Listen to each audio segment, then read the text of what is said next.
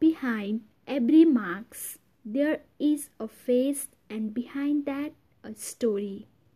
This is the second episode of Stories Behind. Welcome to you all.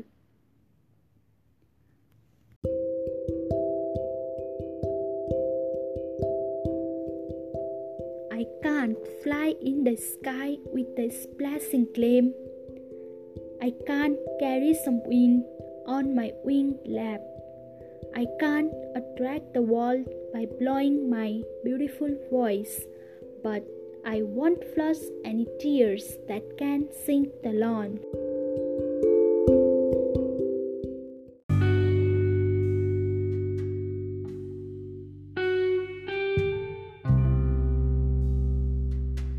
म चम्किरहेको चमकसँग आकाशमा उड्न सक्दिनँ म मेरो पखेटाको काखमा केही हावा बोक्न सक्दिनँ। म मेरो सुन्दर आवाजले संसारलाई आकर्षित गर्न सक्दिनँ। तर म अर्थहीन आँसु बगाएर जीवन व्यतीत गर्न चाहन्न।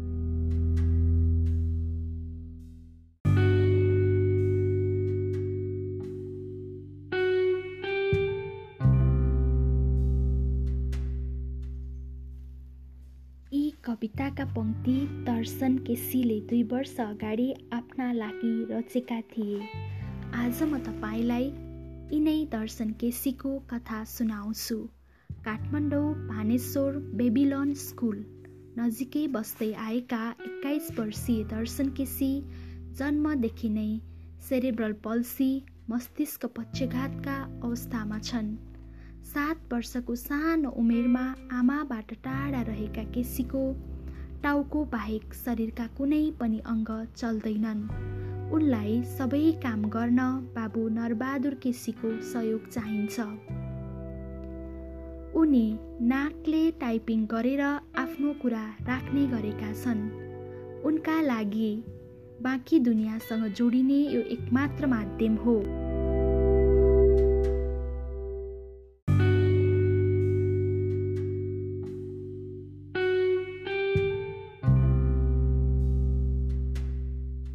शारीरिक रूपमा कठिनाई भए तापनि उनको दृढ शक्ति भने अचम्मको छ। उनले धेरै कविताहरू लेख्ने गरेका छन्। उनलाई कविको रूपमा संसारभर चिनिनु मन छ। अङ्ग्रेजी कविता लेख्न रुचाउने दर्शन विलियम सेक्सपियरका कृतिहरू पढ्न रुचाउँछन्।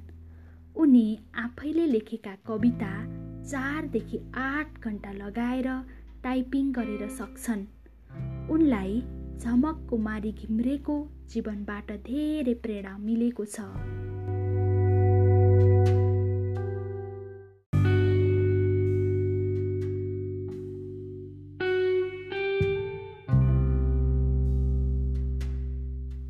उनलाई देखेर सबैले अनेक किसिमका प्रतिक्रिया दिने गरेका छन् तर उनले ती सबै प्रतिक्रियालाई सकारात्मक रूपले नै लिएका छन् र अरूलाई पनि जीवनमा सकारात्मक दृष्टिकोण राख्न आग्रह गर्छन्